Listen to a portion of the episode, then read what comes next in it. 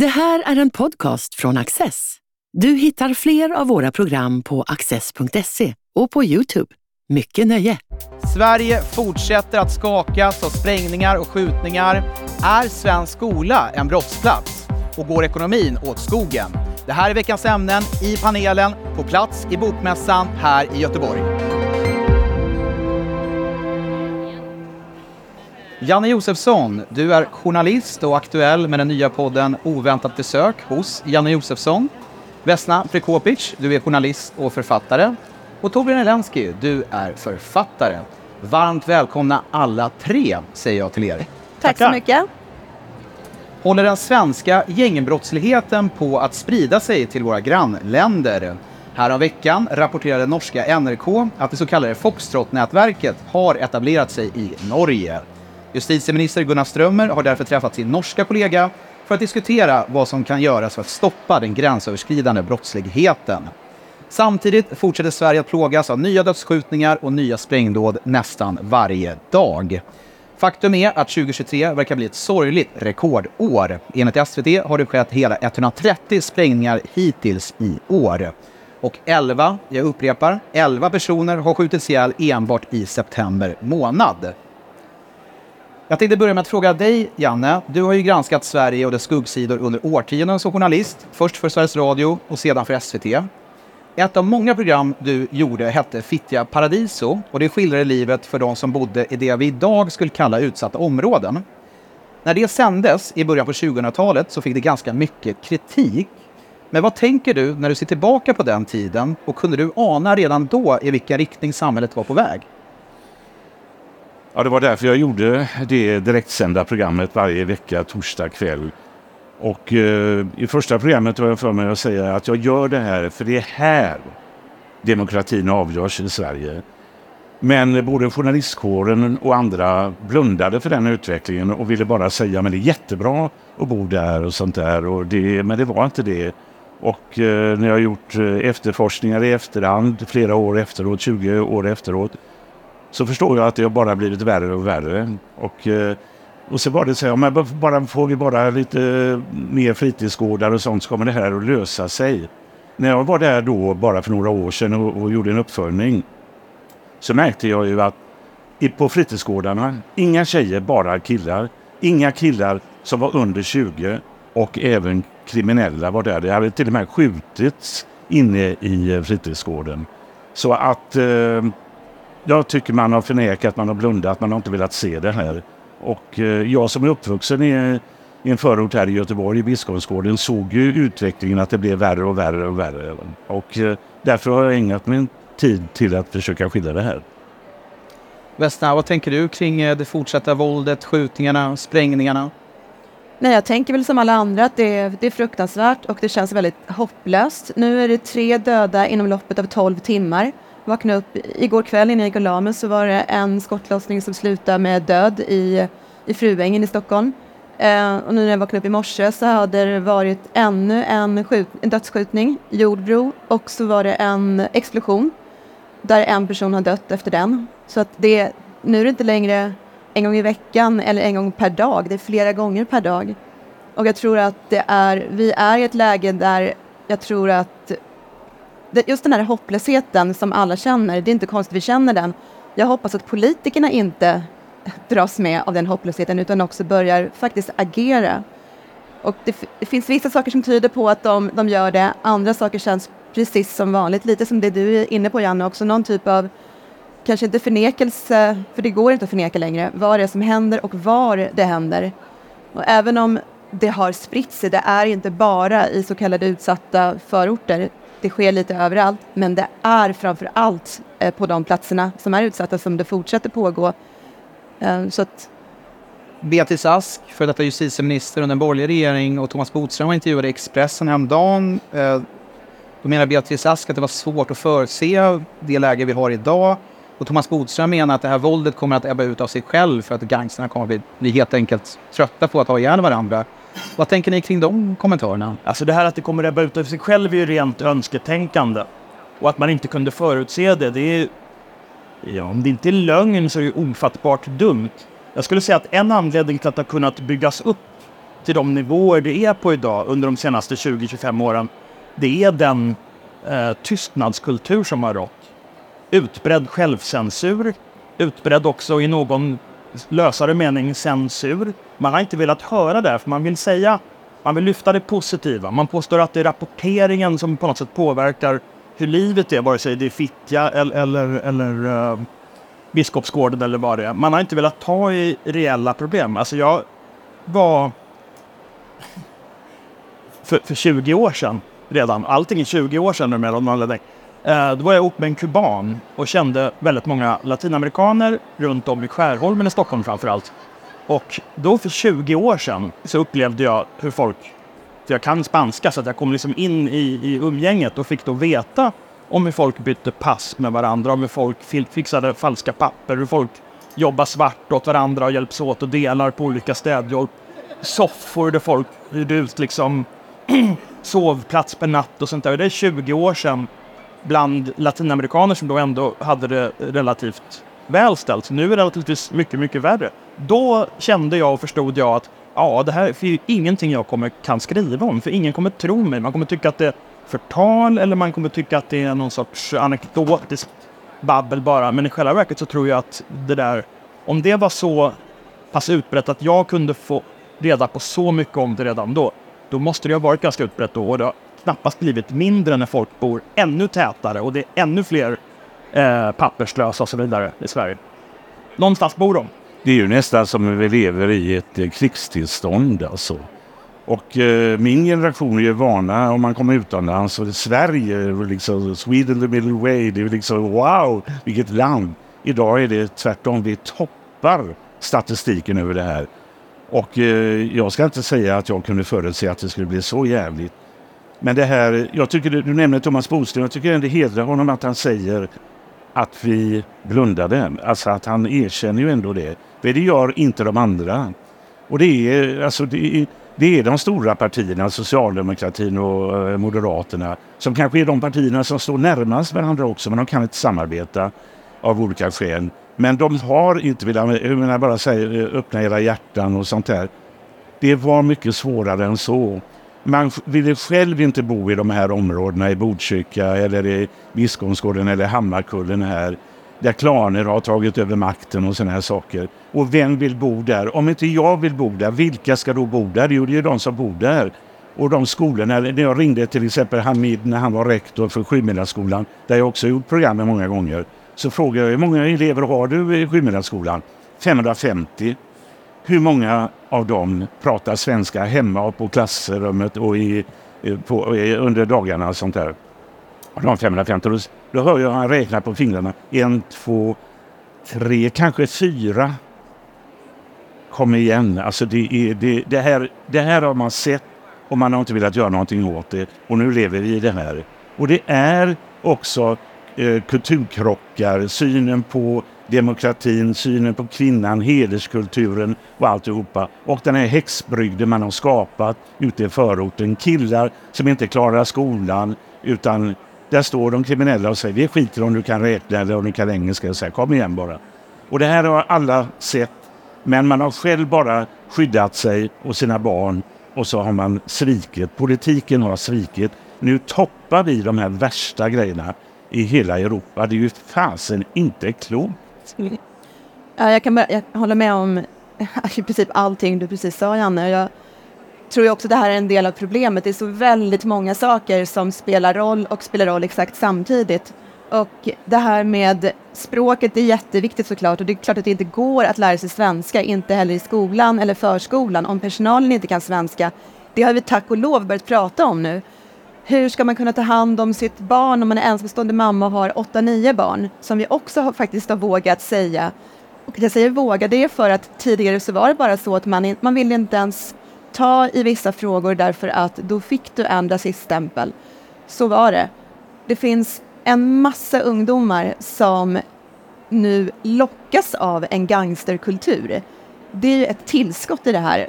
Och jag hörde på radion, jag vet inte vem det var som, jag, jag hade P1 på bara och så var det någon som sa att, om det var en polis eller liknande som sa att för ett år sedan så var det skillnad i vilken typ av barn man då eh, kunde snappa upp.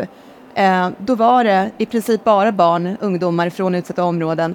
Nu har man sett en trend där även medelklassens, alltså välartade barn som kommer från stabila hem, de lockas av vapen, de lockas av snabba pengar, sna snygga bilar, hela den här lyxtillvaron. Och att det inte längre spelar så stor roll vad man måste göra för att få det. Därför att det har blivit glamoröst att vara kriminell. Och det är ju ett frukt, alltså det är något så fruktansvärt så jag inte vet vad jag ska ta vägen när jag tänker på det. Vad har samhället gjort då? Vad har vi, vad har vi gjort för att barn idag ska tycka att det är värt att bli torped för att få 100 000 kronor som de sen går till NK och shoppar dyra jackor för? En eh, siffra jag studsar till på, eh, det kommer från polisen då, som uppskattar att eh, ungefär Sverige har 30 000 eh, personer som är involverade i gäng på ett eller annat sätt. Det är alltså en mindre svensk stad. Eh, hur ska samhället möta detta?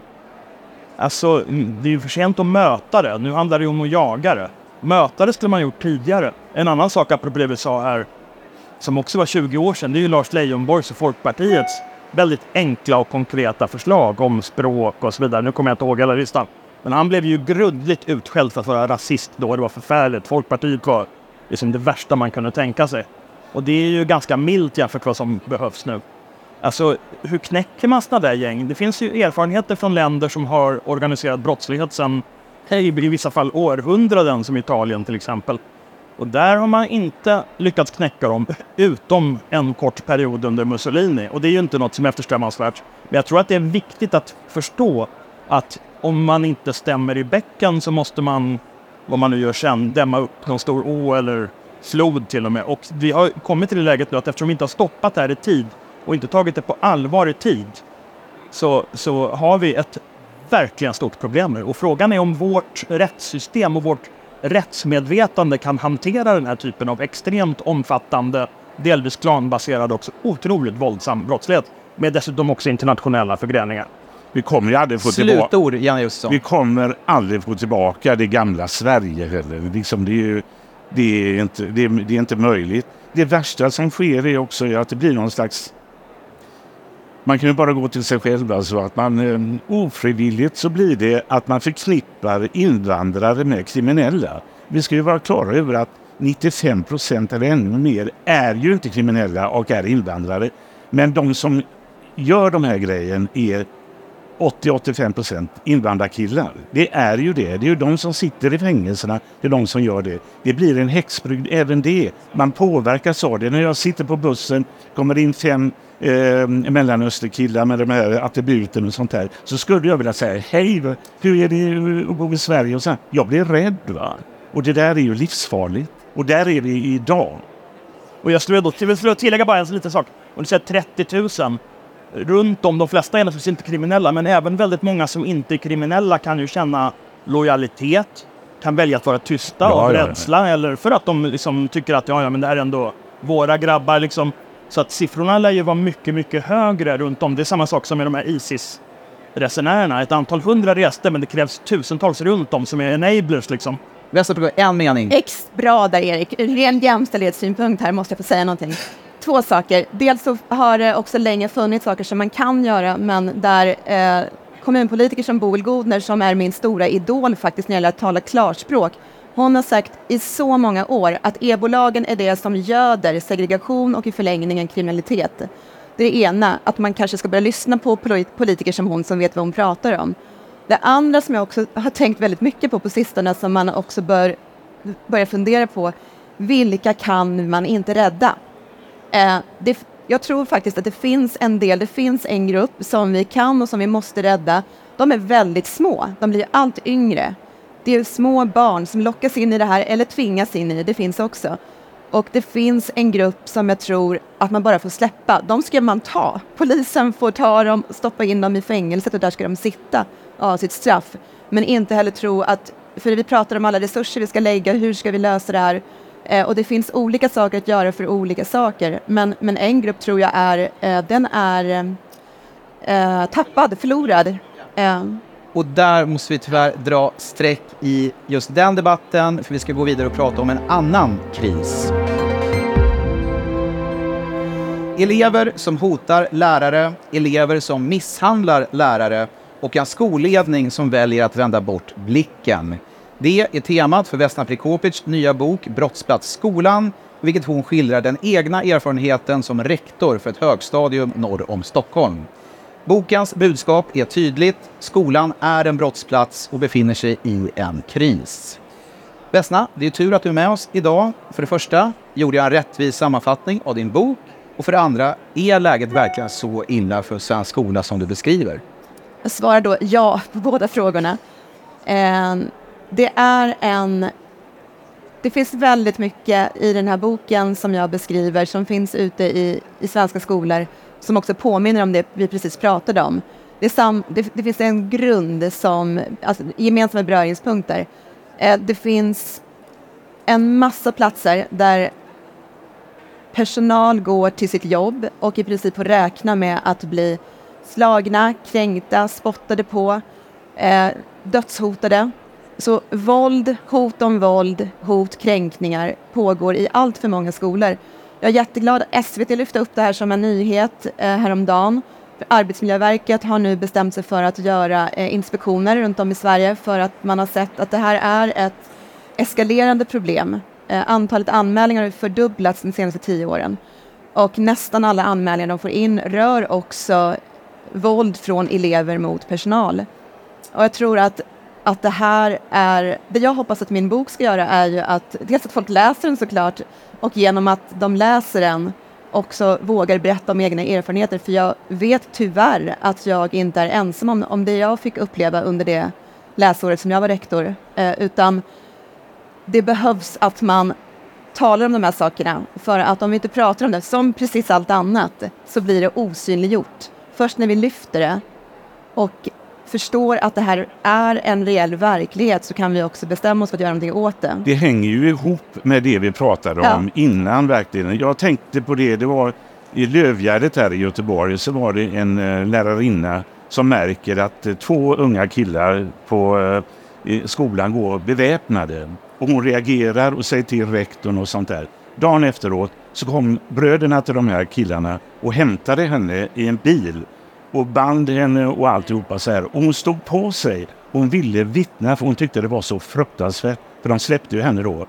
Men när hon sen fick reda på vad polisen hade att erbjuda henne och hennes mamma och hennes barn.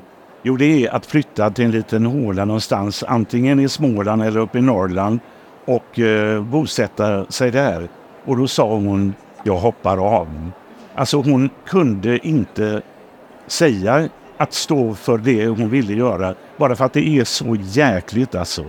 Och eh, det där är, och därför jag skulle vilja fråga dig, är det, är det samma områden som vi pratar om som vi pratade om i förra ämnet, det här eh, förorter och sånt där? Är det, det spridigt? eh, Ja, det är både, dels är det där, Ja. absolut, det är där de finns. För där finns tyvärr också de, de skolor som skulle behöva allra flest och bäst resurser, eh, har ju inte det såklart.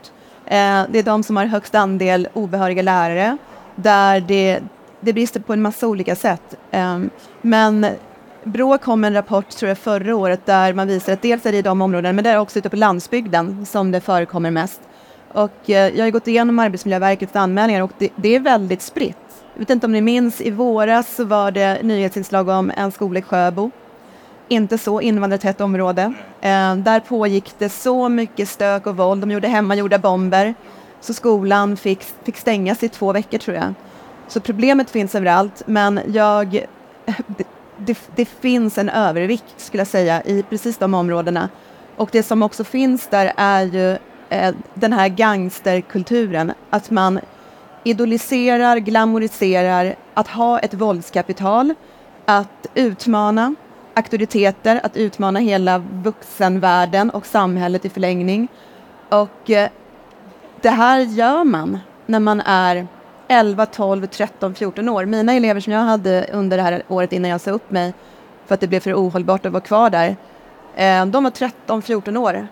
Två av dem brukar berätta om den, den händelsen för att för mig var det så skakande. Jag hade jättebra samarbete med polisen som man måste ha. Eh, och de kom bara förbi en dag och skulle säga hej till mig. Samtidigt då så är det två av de här eleverna som jag hade konflikt med ständigt återkommande sprang ut i korridoren och de blev vänligt tillsagda av de här poliserna då. Hörni killar, vad, vad gör ni här? Ni ska ju ha lektion.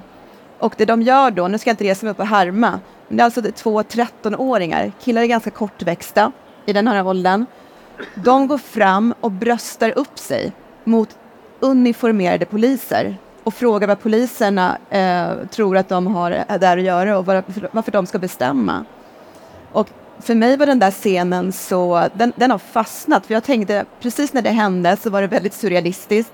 Och sen blev jag också rätt skakad, för då tänkte jag, om de inte ens tar till sig vad två uniformerade poliser säger åt dem, vad ska de göra med mina tillsägelser då?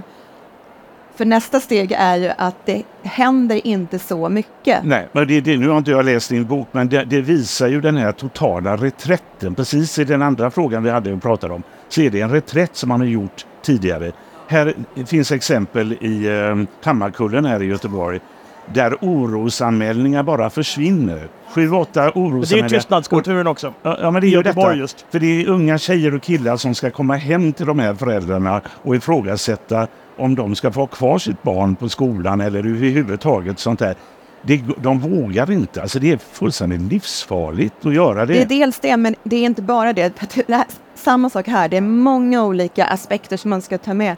Det finns också skolor som inte anmäler. Eh, Varför gör de inte det? En del gör inte det därför att, eh, om jag nu ska uttrycka mig raljant, eh, förlåt till alla som, som jag då hänger ut här eller klumpar ihop här, för att man är feg och för att man är inte rädd utan feg.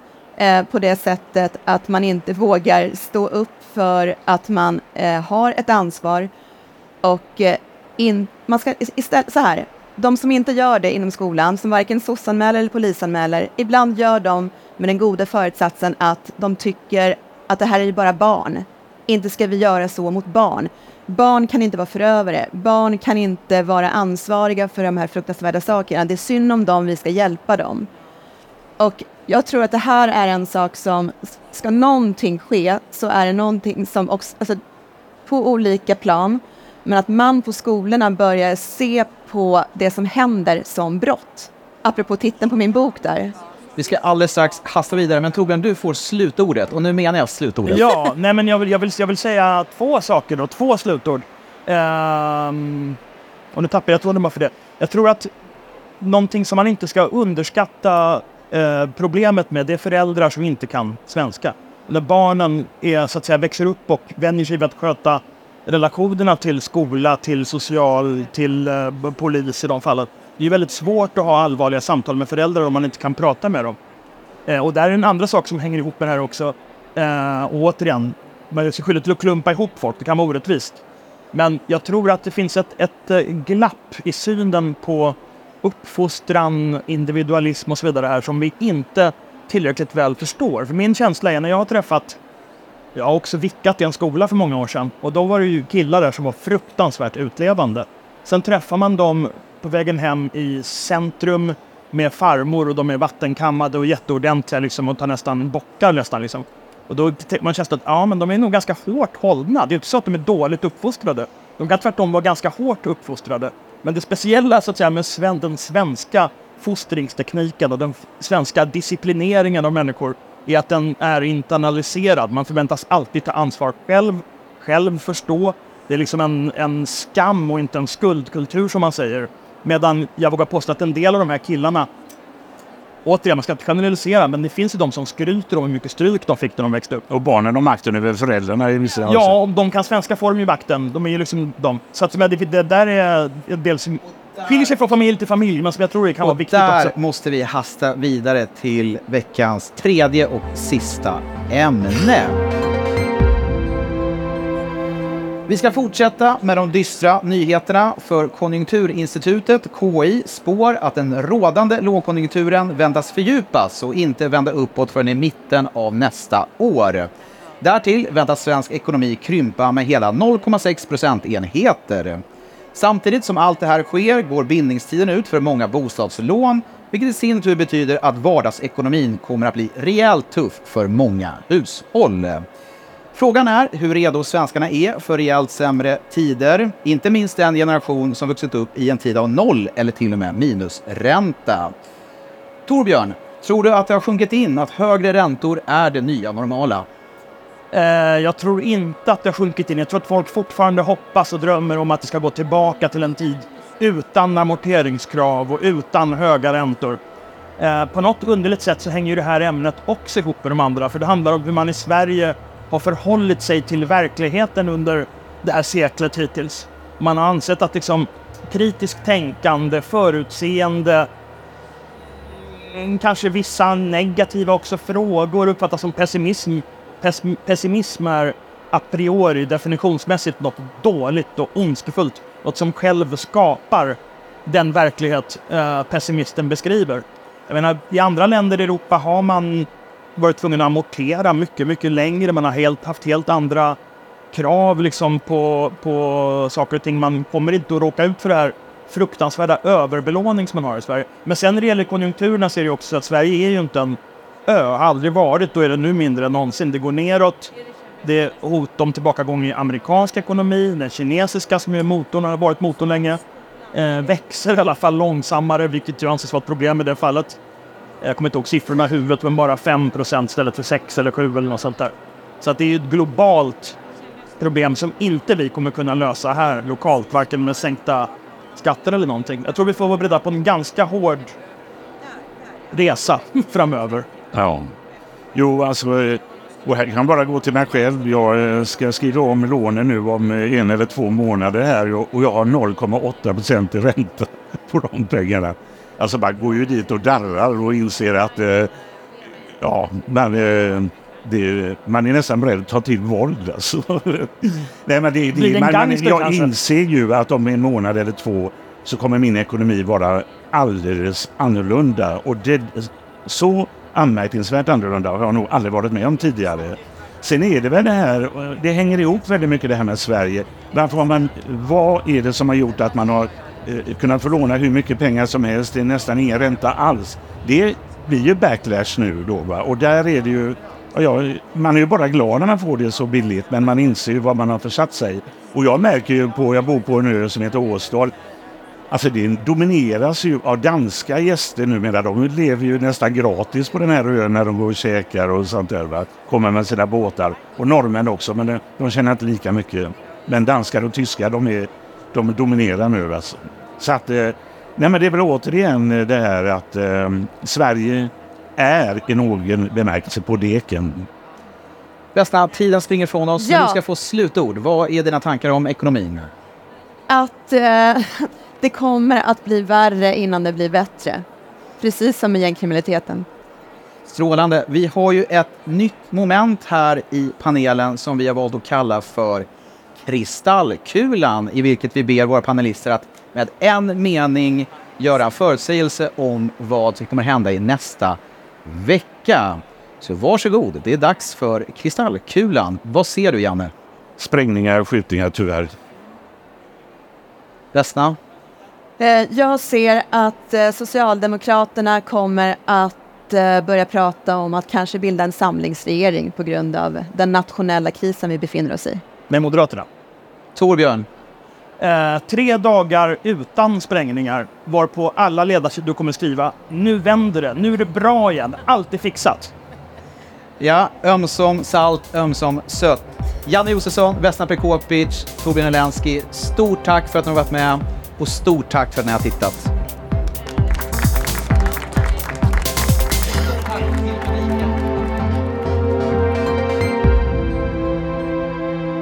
Du har just lyssnat på en podcast från Access.